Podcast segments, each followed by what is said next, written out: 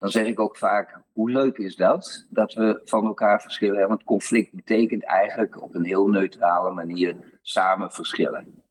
En dan zeg ik ook vaak, samen verschillen is toch veel leuker dan samen hetzelfde zijn. En het is niet alleen veel leuker, het is ook veel rijker, mits we er goed mee om kunnen gaan. Je luistert naar Verhalen in Veiligheid. Deze podcast brengt verhalen over veiligheid samen van de mensen die het doen. Met wisselende onderwerpen. Verhalen vanuit de wetenschap, verhalen vanuit de praktijk, maar vooral verhalen die raken uit ons mooie vak. Uw presentatrice Orlie Borlak.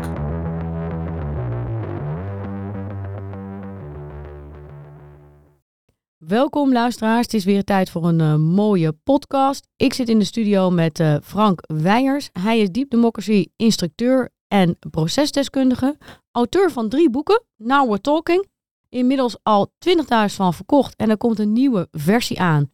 En er wordt ook aandacht geschonken aan psychologische veiligheid, dus die ga ik gelijk kopen. Een ander boek is Conflict en Polarisatie. En zijn derde boek is Ruimte. Frank is gespecialiseerd in complexe dialogen transformatieve polarisatie en conflicthantering. En hij heeft een hele brede achtergrond in de antropologie, politicologie, systeemwerk en coaching. En vandaag gaan wij uh, over een heel uh, mooi onderwerp praten. En dat is conflicthantering. Nou, Frank, uh, super gaaf dat je er bent. Welkom. Dank je.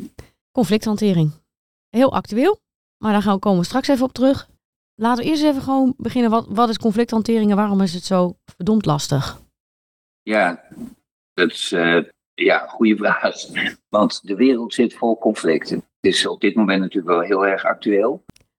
Het is goed om je te realiseren dat conflict er eigenlijk altijd is. Dus wij omschrijven harmonie vaak als de afwezigheid van conflict. Maar dat is niet helemaal juist om dat zo te doen. Want een harmonie is eigenlijk het goed omgaan met conflict. En waarom is conflict er nou altijd? Omdat wij mensen nou eenmaal van elkaar verschillen. Dus we lijken in een aantal opzichten op elkaar, maar we verschillen ook van elkaar. Waardoor we op een verschillende, zeg maar, conflicterende manier naar dezelfde werkelijkheid kijken. Nou, dat zorgt ervoor dat er conflict is als we ons volledig uitspreken. Als we ons daar echt vrijmoedig voor uitspreken en als we dat ook goed van elkaar kunnen horen. Dan zeg ik ook vaak, hoe leuk is dat? Dat we van elkaar verschillen. Want conflict betekent eigenlijk op een heel neutrale manier samen verschillen. En dan zeg ik ook vaak, samen verschillen is toch veel leuker dan samen hetzelfde zijn. En het is niet alleen veel leuker, het is ook veel rijker. Mits we er goed mee om kunnen gaan. En het is veel rijker, omdat als wij goed met conflict kunnen omgaan, dat we dan in groepen, met z'n twee of met z'n drie of met z'n tien of met honderd of met nog meer mensen, kunnen profiteren van de diversiteit in zo'n groep. Maar wat ik al zei, dan moeten we dat wel heel goed in verbinding doen met elkaar. Dus dan moeten we ons vrijmoedig of uitspreken. En dan moeten we ook openhartig naar elkaar kunnen luisteren. En daar gaat het mis. Dat is nou precies wat er misgaat. Gaat het ook mis dat, dat merk ik een beetje, dat mensen bang zijn voor conflict? Wat ik ook heel erg merk is dat mensen ontkennen dat er conflict is. Nee, er is geen conflict. Ik heb nooit conflicten. Dus als je die vraag stelt aan iemand, dan, dan hebben ze dat echt nooit. En er zit ook voor mijn gevoel, het zijn eigenlijk drie vragen straks in één, een beetje een taboe op dat conflict. Dus we zijn er niet alleen bang voor, we ontkennen het.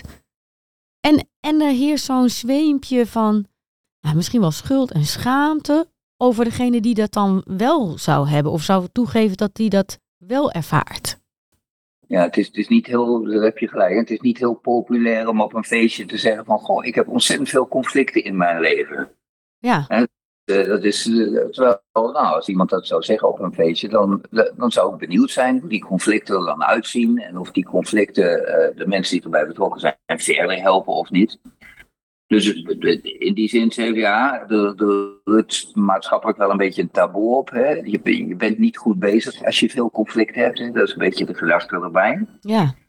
Ik denk dat wij mensen diep van binnen conflictmijdende wezens zijn. En dat zijn we omdat we de relatie met anderen zo graag goed houden. We willen vriendjes en vriendinnetjes blijven van elkaar. En dan zit er een interessante gedachtekronkel in.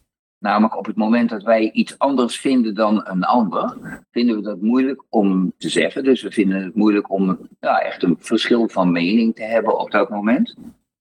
En dat vinden we moeilijk omdat we dan de gedachte erbij hebben dat dat slecht voor de relatie zou zijn. Als ik het nou niet met jou eens ben, dan is dat niet goed voor onze relatie. Terwijl wat we in de praktijk zien, als mensen het niet eens zijn met elkaar en ze doen dat op een goede manier, dan is dat fantastisch voor hun relatie.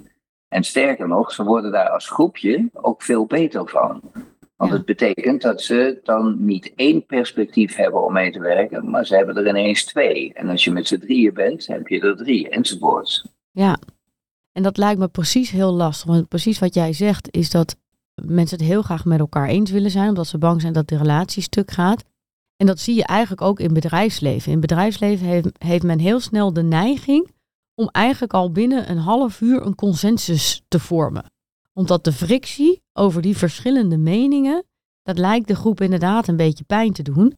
En dan gaan ze al heel snel, zie je dat mensen heel snel water bij de wijn doen, gaan een beetje middelen podderen. En dan, ja, dan uiteindelijk na een kwartier, twintig minuten merk je wel dat de groep weer opgelucht ademhaalt van, oh, zijn het met elkaar eens. Ja, ik denk dat dat, een, dat is wel een goede constatering. Ik denk dat wij in een, een cultuur leven, hier in Nederland, waarin we erop uit zijn om het eens te worden met elkaar. En we zijn er ook een beetje trots op. Hè? We zeggen dat we een land zijn van polderen en dat uh, het goed is dat wij compromissen kunnen sluiten met elkaar. Nou, ik denk dat daar een heel andere kant aan zit. Dat door die wens, door dat verlangen om het eens te worden met elkaar, laten we ontzettend veel liggen komen we tot compromissen waar niemand blij mee is uiteindelijk. Zeggen we tegen elkaar dat dat het best haalbare is. Terwijl ik ervan overtuigd ben als je gesprekken op een andere manier voert. Niet direct met meningen klaarstaat bijvoorbeeld, maar eerst het even perspectieven op een bepaald probleem onderzoekt. Samen, met elkaar. Dat je dan veel verder kunt komen. Dat het dan veel rijker kunt zijn. En je ziet overigens ook, ook dat soort fenomenen zie je bijvoorbeeld in onze landelijke politiek. Zo'n jaar geleden had het kabinet, wat toen nog uh, vol in functie was, een asieldeal gesloten. En dan zie je hoe vier regeringspartijen met elkaar een compromis sluiten. Maar uiteindelijk geen van die vier blij mee is. Ze vinden het eigenlijk allemaal een slecht besluit. Nou, dat vind ik wel een mooi voorbeeld van hoe wij al onderhandelend tot compromissen komen. Maar we dan vervolgens met z'n allen helemaal niet blij mee zijn. Dus zo de gedachte dat wij Nederlanders een cultuur hebben waarin wij het hart op de tong hebben en heel erg zeggen wat we vinden. Nou, dat betwijfel ik. Ik denk dat dat wel tegenvalt. We zijn er vooral op uit om al polderend het met elkaar eens te worden. En dat leidt bepaald niet tot de beste besluiten. Nee, ik denk dat je daar gelijk in hebt. Ik zie dat ook gebeuren in bedrijfsleven. Is dat er te snel uh, naar een compromis wordt gezocht omdat men bang is voor eigenlijk het conflict. Gewoon überhaupt de discussie schuurt te veel. Je ziet dat ook in woordgebruik. Uh, mensen maken terugkrabbelende bewegingen, stemmen in één keer in terwijl ze nog een punt hadden. Dus dat zie je wel. Maar misschien zie jij dat ook wel, um, dat het ten grondslag ligt aan de manier waarop we dit soort gesprekken voeren. Ja, daar heeft het zeker mee te maken. Dus de, de, de setting waarin gesprekken plaatsvinden, ja, die settings zijn niet altijd erg veilig te noemen. Dus daar begint het eigenlijk al. Dus je, je moet het zo zien, in iedere groep zijn er machts- en rankingsverschillen. Dan is het belangrijk dat we, als we ons realiseren dat we niet gelijk zijn in een groep, en dat zie je in een bedrijf natuurlijk voortdurend, hè, als een, in een team of wat dan ook, dat daar machts- en rankingsverschillen zijn, dan is het wel belangrijk dat we een zekere gelijkwaardigheid in een gesprek hebben. Dat betekent dat alle stemmen goed gehoord kunnen worden. Nou, als ik een wat minder goede machtspositie in een team heb, dan moet ik me wel veilig voelen om alles te kunnen zeggen wat ik wil zeggen. Dat betekent dat, en dat is toch wel een belangrijke verantwoordelijkheid van de leidinggevenden in organisaties, dat die moeten werken aan een veilige cultuur. En een veilige cultuur, zou ik zo willen omschrijven, is een cultuur waarin ik niet allerlei bijgedachten hoef te hebben als ik iets wil gaan zeggen. Dat ik niet gelijk hoef te denken, oeh, wat voor consequenties zal het hebben als ik dit zeg of als ik dit zeg. Maar dat ik me echt vrij voel om te zeggen wat ik wil zeggen, dat dat geen consequenties voor me zal hebben. En als we zo'n cultuur weten te creëren met elkaar, ja, dan kunnen we dus ook in een groep goed conflict hebben met elkaar. In de zin van dat we conflicterende meningen naast elkaar kunnen zetten. En daar kunnen we dan ook samen wijzer van worden. Maar een absolute voorwaarde is dus wel veiligheid, in dit geval uh, psychologische veiligheid, om die goed te creëren, om daar echt heel erg aandacht aan te besteden. Ik denk dat dat ontzettend belangrijk is. Dat is heel lastig, want mensen willen de ander niet kwetsen. Ik was uh, gisteren bij een, uh, een groep, daar kwam de leidinggevende top te laat. En die groep heeft wat te doen in de groepsdynamica, heeft wat te doen in, in de dingen die moeten ze regelen, moeten ze optuigen. Maar ze hebben zeker ook wat te doen in sturing. Van waar gaan we nou als groep naartoe? Wat is nou belangrijk? Waarom zijn we hier op aard, noem ik het wel eens? Waar krijgen we energie van? Waar gaat ons hartje van kloppen? En wat is de stip op de horizon? Maar ja, als je leidinggevende top er niet is of te laat komt. Ik, ik vroeg aan aan de groep van, maar hebben jullie sturing nodig? Gewoon, bij, die leider kwam wat later binnen en heb gewoon ik denk, laat ik het gewoon eens proberen. Die, die, want er is natuurlijk een conflict. Als jouw leidinggevende top er niet is en je weet als groep niet waar je naartoe moet of wil. Uh, en dan kan ik gewoon vragen, maar heb je die sturing nodig? Want er wordt al wel aangenomen dat een groep zelfsturend is en helemaal geen guidance nodig heeft. Zoek het maar lekker uit. En toen begon heel voorzichtig. Begonnen mensen in de groep te zeggen, nou het zou wel fijn zijn als, als we weten waar de focus ligt, weet je wel? Ja. Maar het is zo moeilijk om iets te bespreken als het ook nog eens een keer persoonlijk is op die rol. En dan uh, zie je dat leidinggevende echt van goede huizen moeten komen om dat uit te nodigen. Om dat mensen door te vragen en te zeggen, oh maar dit, dit gesprek is oké. Want anders, anders stoppen ze heel snel. Want als die meneer of die mevrouw echt gewoon zijn mond houdt, dan denkt iedereen, oeh, ik zat op glad ijs. Ja, ik denk dat leidinggevenden zich heel erg moeten realiseren dat de allerbelangrijkste interventie die ze in huis hebben, is hun eigen gedrag. Dus niet wat ze allemaal tegen andere mensen zeggen dat ze wel en niet moeten doen, dat heeft allemaal niet zoveel zin. Maar hun eigen gedrag is wel van belang. En dat betekent dat je bijvoorbeeld je aan afspraak houdt, op tijd komt als iedereen er is, als je dat ook van anderen verlangt. Maar ook in je openheid iets laat zien, jezelf heel goed laat zien. Dus ook echt open bent over jezelf. Anderen uitnodigt om open te zijn. Goede check-ins doen, zeg ik dan altijd maar. Hè? En in die check-ins je, je eigen openheid, je eigen kwetsbaarheid ook, uh, ook kunt tonen. Ik denk dat dat enorm belangrijk is om op die manier anderen er ook toe te verleiden om ook open te zijn. Ook echt heel erg uit te nodigen. Ja, en een groot probleem daarbij, en ik denk dat daar nog heel veel werk aan de winkel is, is dat veel mensen op machtsposities, dus veel bestuurders en, en, en, en managementteamleden, leidinggevenden, die zitten op posities waarin ze ja, een, een hoge ranking hebben. En het probleem op die posities is dat vaak niet gezien wordt wat dat voor andere mensen betekent in een groep. Dus een directeur die tegen uh, mensen in het team zegt: uh, Ja, ja, mijn deur staat altijd bij jullie open en iedere stem wordt hier echt uh, evenzeer gewaardeerd. Dat kun je wel zeggen, maar zo werkt het niet. Dat gaat pas zo werken als je het ook in je gedrag echt laat zien. En ik denk dat dat het allerbelangrijkste is. Dus om even de link met conflict te maken in groepen. Wij kunnen pas goed conflict met elkaar hebben als we ons veilig genoeg voelen.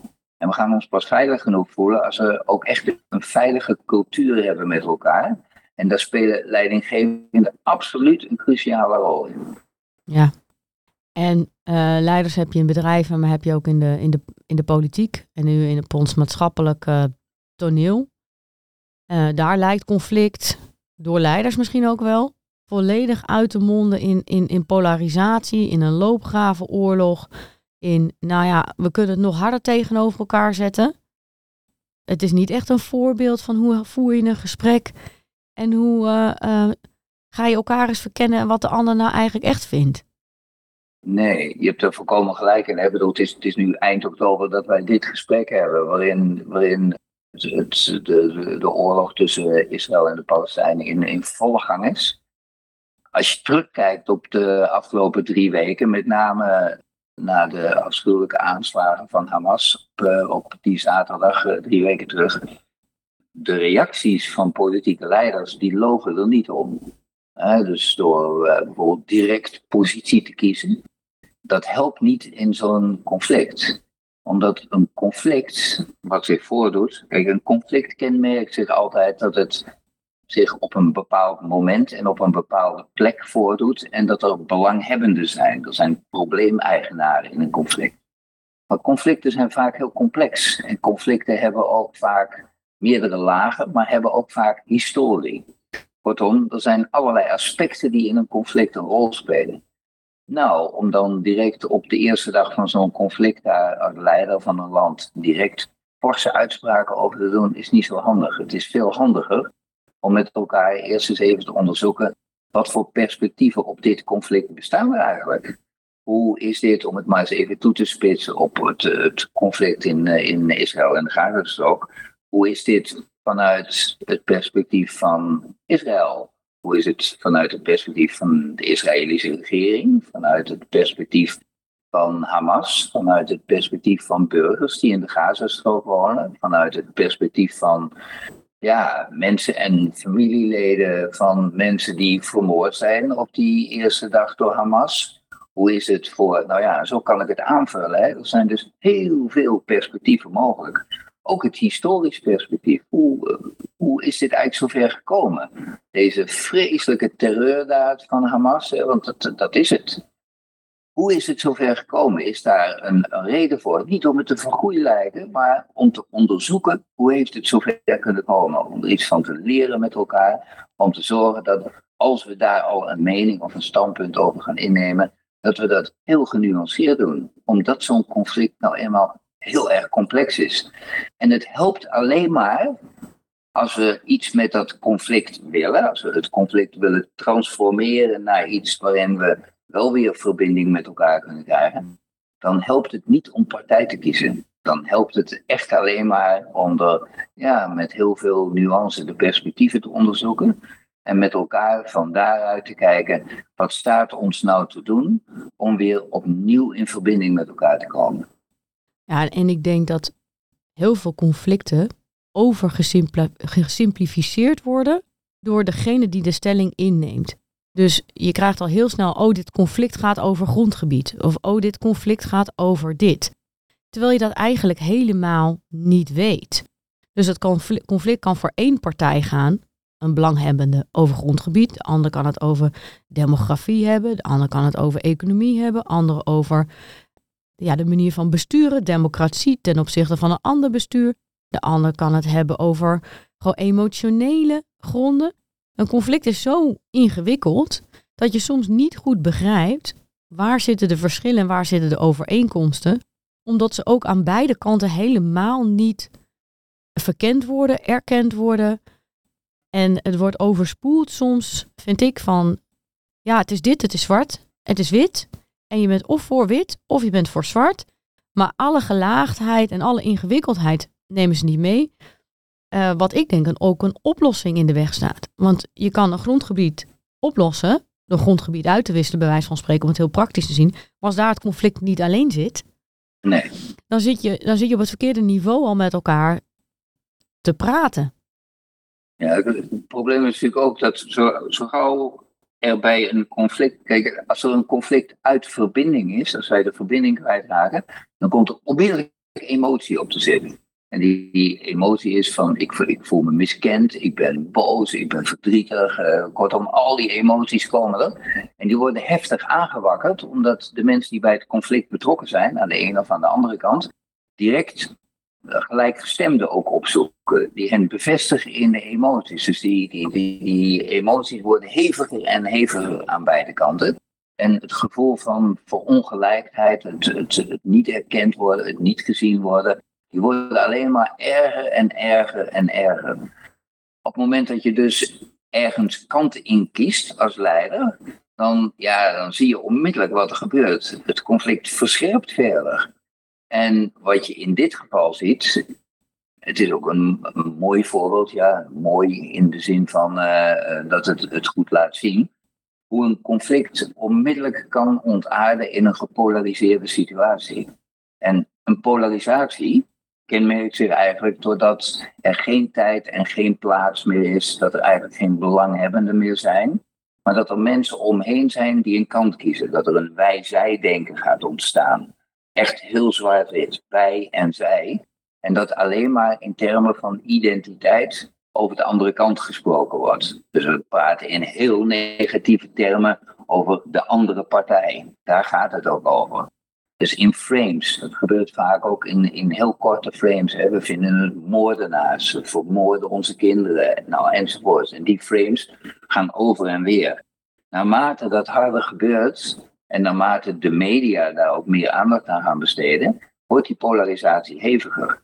En is het risico dat die polarisatie verder uitslaat, dat die niet beperkt blijft tot een, ja, een groep die er direct mee te maken heeft, maar dat dat veel groter wordt. En dat is wat je nu in de wereld ook wel ziet plaatsvinden. Ja, en dus ik, het lijkt eigenlijk wel hè, alsof, als ik bijvoorbeeld naar Nederland kijk, en, en ja, ja, een soort professionele afwijking die ik erin heb, maar ik mag dan graag allerlei social media eens volgen in deze tijd om te kijken wat er zo uh, allemaal naar buiten komt. Maar het lijkt ook wel alsof daar geen ruimte meer is om een genuanceerd standpunt in te nemen. Om te zeggen, nou, ik ben niet van de ene kant of van de andere kant, maar ik zie dit en dit en dit perspectief. En ik kijk er op een andere manier naar. Het lijkt alsof daar helemaal geen ruimte meer voor is. Nee, en het narratief lijkt een soort werkelijkheid te gaan creëren. We zeggen wel eens in, uh, in de taalfilosofie dat taal creëert de werkelijkheid. Wij, wij scheppen betekenis door de woorden die we gebruiken. Want niks heeft betekenis van zichzelf. Volgens mij is dat een zinnetje uit, uit jullie koker trouwens zelfs. Maar dat zie je ook. Dus die polarisatie is niet alleen die loopgave, maar ook dat hele narratief wat zich steeds meer vult en opbouwt. Dat lijkt zijn eigen leven te gaan leiden en een soort nieuwe werkelijkheid, een nieuwe waarheid te worden. Waar ook niemand meer gewoon een kritische vraag durft te stellen van, maar is dit wel zo?